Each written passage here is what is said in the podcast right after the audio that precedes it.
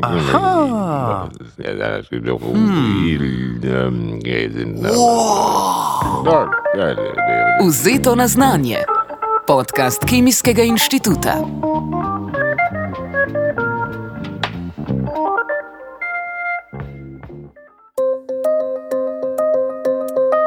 Četrtega novembra leta 1869 je v Londonu izšla prva številka znanstvene revije Nature. Komaj dva meseca predtem se je rodil mali Fritz. Danes bolje je znan po krstnem imenu Friderik Pregel. Slovensko-avstrijski zdravnik in kemik je na univerzah v Gracu in Innsbrucku razvil posebno natančno metodo za kvantitativno organsko mikroanalizo. Pomagal pa je razviti tudi tehtnico natančno na milijoninko grama. Za ta dosežek je leta 1923 prejel Nobelovo nagrado za kemijo in je do danes edini imenovani Nobelovec slovenskega rodu. Friderik Pregel je preminil pri 61 letih, 13. decembra 1930 zaradi pljučnice. Po njem se danes imenuje slovensko priznanje, ki ga Kemijski inštitut podeljuje za izjemne dosežke na področju kemije in sorodnih ved, vse od svoje 60. obletnice leta 2007 dalje. Letos sta najprestižnejšo nagrado, tisto za izjemne znanstvene dosežke, prejeli profesor dr. Nataša Zabukovec Logar in dr. Mateja Manček Keber. Slednja je višja znanstvena sodelavka na Kemijskem inštitutu, ki deluje na področju bazične in translacijske imunologije, področju, ki ga je bilo med pandemijo skoraj adrenalinsko proučevati, če veste, kaj mislim, še posebej pa je bilo morda bolje, če o tem niste govorili sosedi. Šalo na stran, ta pomembna veja sicer sega precej onkraj omenjenih sevov. Dr. Mateja Manček Keber denimo primarno raziskuje signalne poti tolu podobnih receptorjev ali po domače. Že od eh, doktorata naprej se ukvarjam z receptorji naravne imunosti, predvsem eh, s tolu podobnimi receptorji, ki jim krajše rečemo TLR. To je v bistvu skupina receptorjev, pri človeku jih je okoli deset, ki uh, so del naravne imunosti, se pravi naravni imunski odgovor. To je tisti prvi odgovor, ki se zgodi v našem telesu, ko pride do vdora virusov, bakterij in drugih patogenih v telo. In uh, to so uh, receptorji, ki prepoznajo samo določene molekule teh patogenov. In v bistvu zato jih imenujemo tudi kot uh, PRR, se pravi Pattern Recognition Receptor, se pravi receptori, ki prepoznavajo neke motive na patogenih. In v bistvu ti motivi so tisti, ki so drugačni kot pri človeku. Zato se načeloma ti receptori ne aktivirajo uh, na lastno telo, ampak kadar pride do vdora patogena. Ne. Zdaj, naprimer, receptor TLR4, katerega sem jaz največ proučevala. Eh, Ta prepozna bakterijski lipopolisaharid, potem nekateri drugi cepte- receptorji TLR5 prepozna bakterijski flagelin, se pravi, to so tisti bički, s katerimi lahko bakterije plavajo.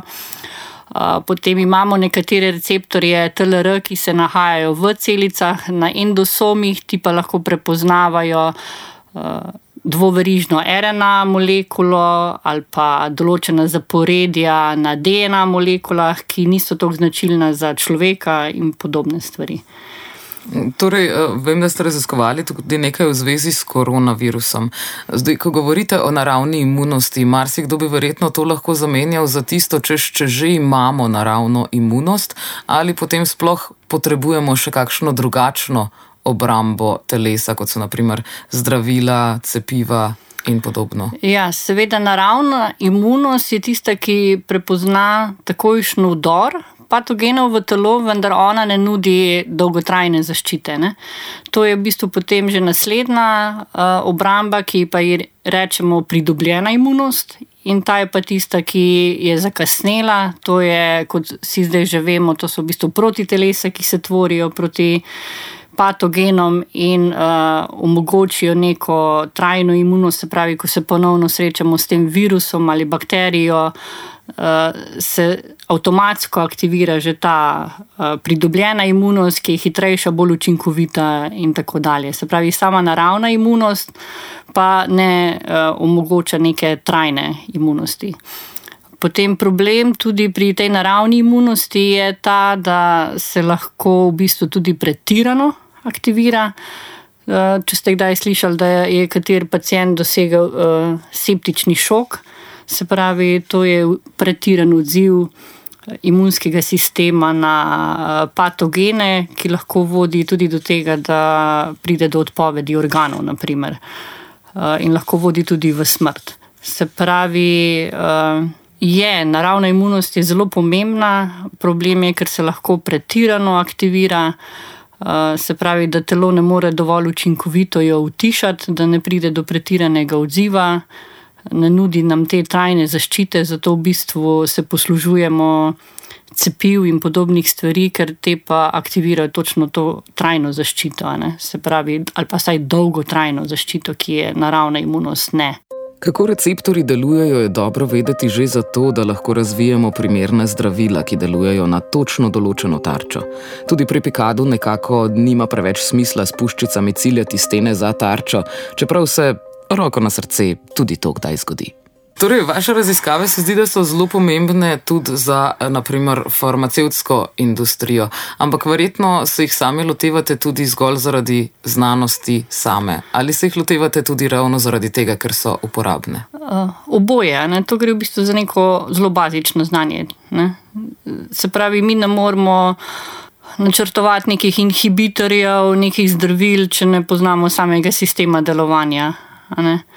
In uh, mi smo pripomogli k temu, na kakšen način se rečemo, bakterijski lipopolisaharid veže na protein MD2, ki pomaga receptorju TLR4, kateri eh, motive prepozna, katere interakcije so pomembne. In če imamo takšne podatke, potem lahko začnemo mi načrtovati naprimer, neke inhibitorje, se pravi, neke molekule, ki bi se vezale na MD2 in bi preprečile vezavo tega bakterijskega lipopolisaharida, in to bi mogoče lahko bil način. Uh, kako bi hitreje ustavili ta imunski sistem, kot je ta endotoksični šok, ne, o katerem sem prej govorila. Tako da bazične raziskave so vedno pomembne, imajo nek cilj, da bi lahko prišli do uh, nekih podatkov, ki bi nam omogočali potem naprej razvoj zdravil. Govorite torej o bakterijskih lipopolisaharidih. Uh, Kaj pa, če bi govorili o virusih, velja tukaj za isti princip? Ja, do določene mere, seveda, velja ne, e, isti princip. Se pravi, tudi pri virusih lahko pride do pretiranega odziva telesa, ne, se to smo videli pri e, bolnikih s COVID-om ker je verjetno ni šlo samo zato, da se je virus tako močno razmnožil v telesu, ampak tudi, da je telo neprimerno odreagiralo. Ne. Se pravi, če bi poznali te mehanizme, uh, kaj se dogaja med virusno okužbo, bi verjetno lahko ne, bolj ciljana zdravila uh, pač naredili, ampak to pa seveda zahteva časa. Ne. Te raziskave niso tako hitre in tako enostavne, da bi v bistvu lahko v času enega leta prišli do takšnih tarčnih ne, zdravil. Vse veliko dela na tem, ne, so poskusi, so bile, uh, je, so se našli kandidati, ne, uh, primerni, še vedno pa pač potem traja, ne, da pride to v uporabo. Kaj pa je tisto, kar tako traja pri tem postopku? Zakaj je tako dolgotrajno? A samo raziskovanje. Ja ja, ker je tako kompleksno. Ne. Se pravi, težko mi z nekimi enostavnimi metodami uh, pridemo do tako v bistvu. Uh, Specifičnih uh, rezultatov, ali kako bi rekla. Torej, gre za toliko korakov v postopku, da to zahteva, ali je to? Ja, seveda, uh -huh. pa vedno je treba poznati stvari iz različnih zornih kotov. Uh, Vse, kot sem rekla, v tem letu ali dveh, dveh letih uh, je v bistvu eksplozija člankov na SARS-CoV-2. In res zelo, zelo veliko se je pokazalo, zelo veliko se je razjasnil. Tako da uh, so molekule vodnice, ne, se pravi tiste, ki uh, bi lahko pomagale za zdravila so že bile identificirane. Zdaj je pač potrebno nadaljno. Sej vsi pa vemo, da potem, ko imamo eno molekulo, tudi če pokažemo njeno učinkovitost, je potem, da grejo naprej klinične študije, pač potreben čas, ker so postopki zaradi varnosti. Uh, Tako strogi, ne, kar je v bistvu pravo. Ja, nekateri so se ravno zaradi tega odzivali zelo skeptično do cepiv, ker se jim je zdelo, da so vendarle ravno v primeru koronavirusa bili zelo kratki. Se tudi vam zdi, da so bili zelo kratki? Mislim, jaz pozdravljam, ne, da je stvar šla tako hitro naprej, ker v bistvu. Uh, Mislim, da so vsi skeptiki vseeno morajo priznati, da smo spravili uh, koronavirus, se pravi ta SARS-CoV-2, pod nek nadzor. Ne. Uh, brez cepiv ne bi prišli do tega, kar imamo danes. Ne. Jaz mislim, da bi še vedno imeli lockdown in podobne stvari. Ne. Poleg že skoraj preživete pandemije koronavirusa, pa epidemije prilagajanja svoje podobe filtrom na Instagramu in znane slovenske tekme, kako imeti bolj zeleno travo od soseda, se na svetu vse bolj pojavlja tudi tako rekoč epidemija obolelih za rakom. No, verjetno bi pravzaprav težko rekli, da gre za epidemijo, ker gre vendarle za bolezen, ki so jo našli tudi v fosiliziranih ostankih človečnjakov, torej prednikov modernega človeka. Tudi s tem pa se občasno ukvarja dr. Mateja Manček Keber.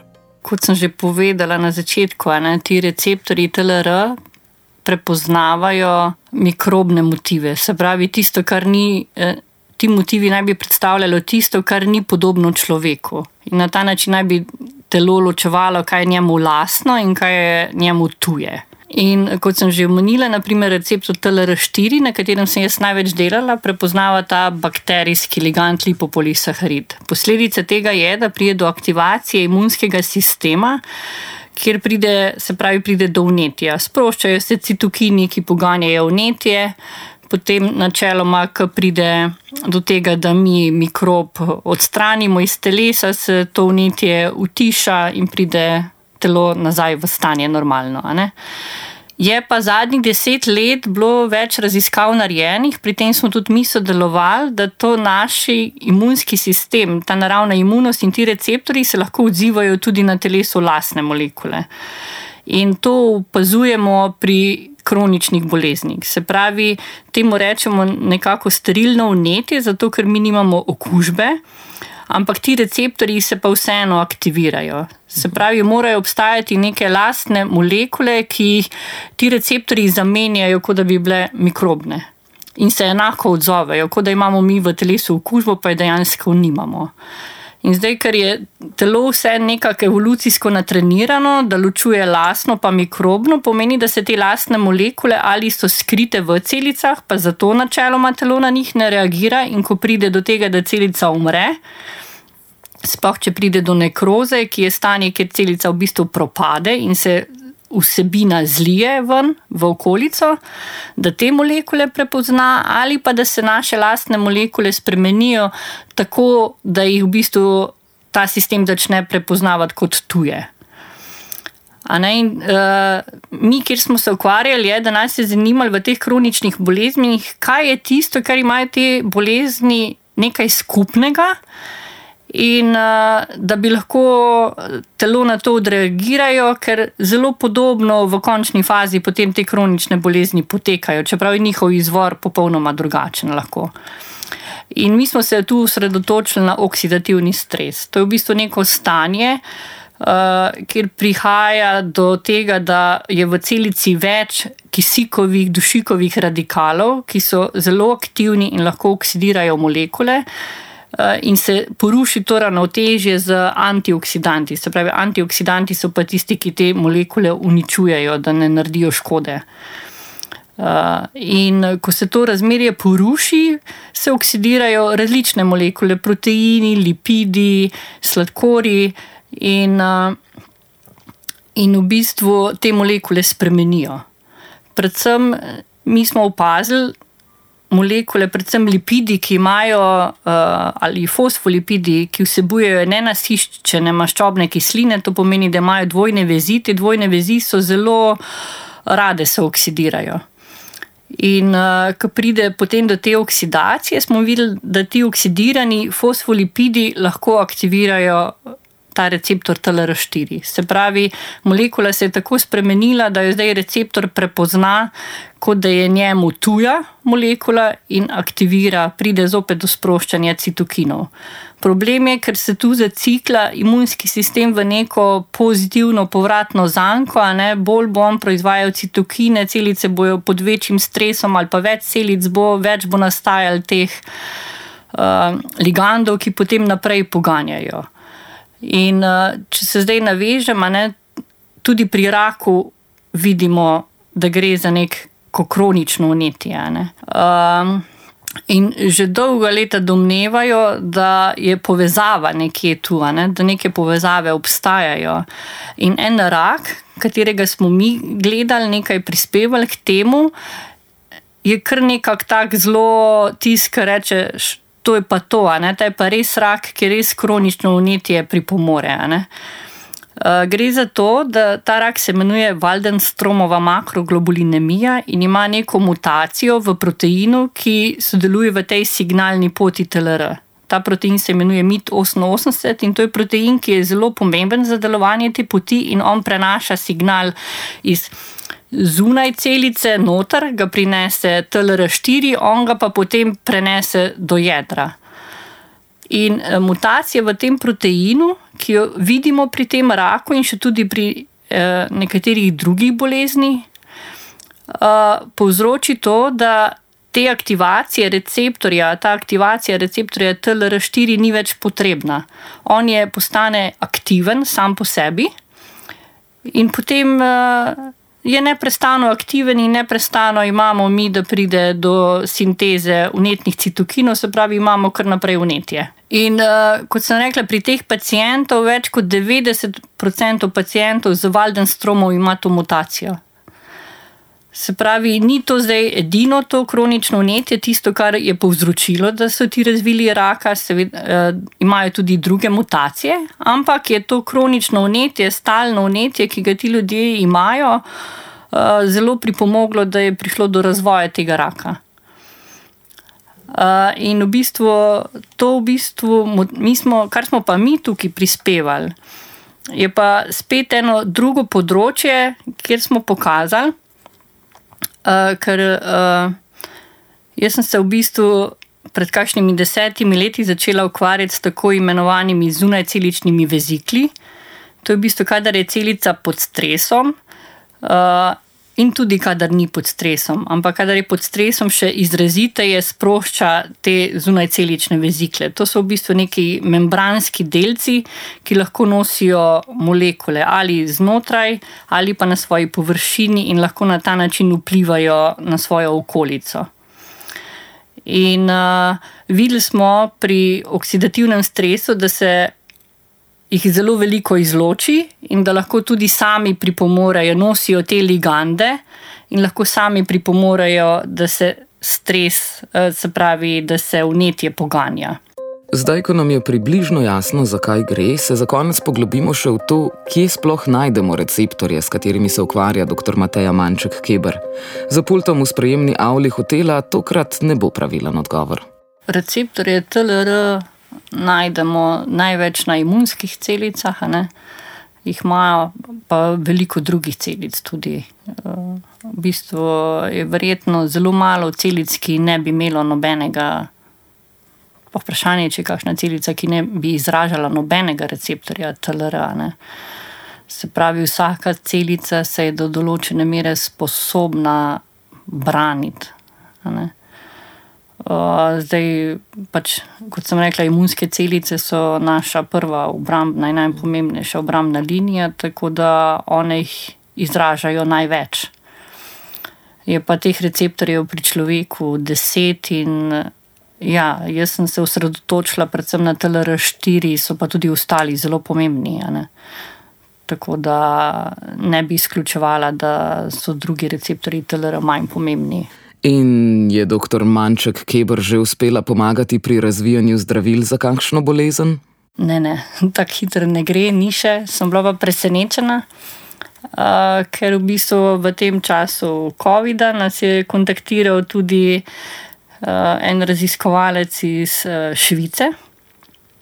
Delal je v Rošu. In takrat, ko smo v bistvu mi uh, iskali neke inhibitorje uh, tega proteina MD2, se pravi, da bi utišali to TLR pot, uh, smo uporabljali eno molekulo, uh, ki je bila v kliničnih raziskavah, ampak za zdravljenje holesterola. Ne. Mi smo pa videli, da se veže na ta uh, MD2 in da v bistvu učinkovito prepreči potem vezavo tega bakterijskega liganda. In no, on je rekel, da takrat, ko smo mi to objavili, da so se celo v Rošu takrat, da so naredili večjo analizo, ali je ta molekula res lahko dovolj učinkovita. Potem dejansko sicer ne vem, kaj se je zgodilo, ne, ampak že to se mi je zdelo, wow, je pa res neka farmacija nekaj opazila in saj nekaj naredila neko analizo. No. Tako da že to se mi je zdelo, da. Ker morate vedeti, da ne, objav je zelo veliko, zelo veliko molekul, zelo vsega ne, in verjetno tudi, se pravi, industrija izbira, ne, kje, kje bi lahko, kaj bi res lahko bilo učinkovito in kaj ne. ne. Pa se mi je zdelo že to, no, da je to že kar neki. Ne. Našim znancem se torej piše bolje tudi zaradi raziskav, s katerimi se ukvarja dr. Mateja Manček-Keber. Mi pa lahko zaenkrat le izsanjamo svoje sanje, kajti, kot je v izvirniku zapisala Margaret Mitchell v V vrtincu, jutri je nov dan.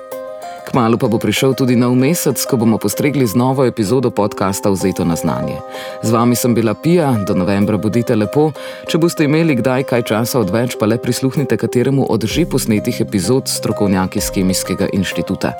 Podrobnejše informacije boste našli na trikratvojnive.ki.si poševnica o-institutu poševnica podcast. Do prihodnič, lepo zdrav!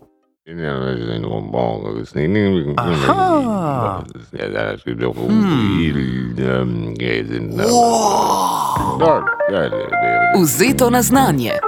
Podcast Kemijskega inštituta.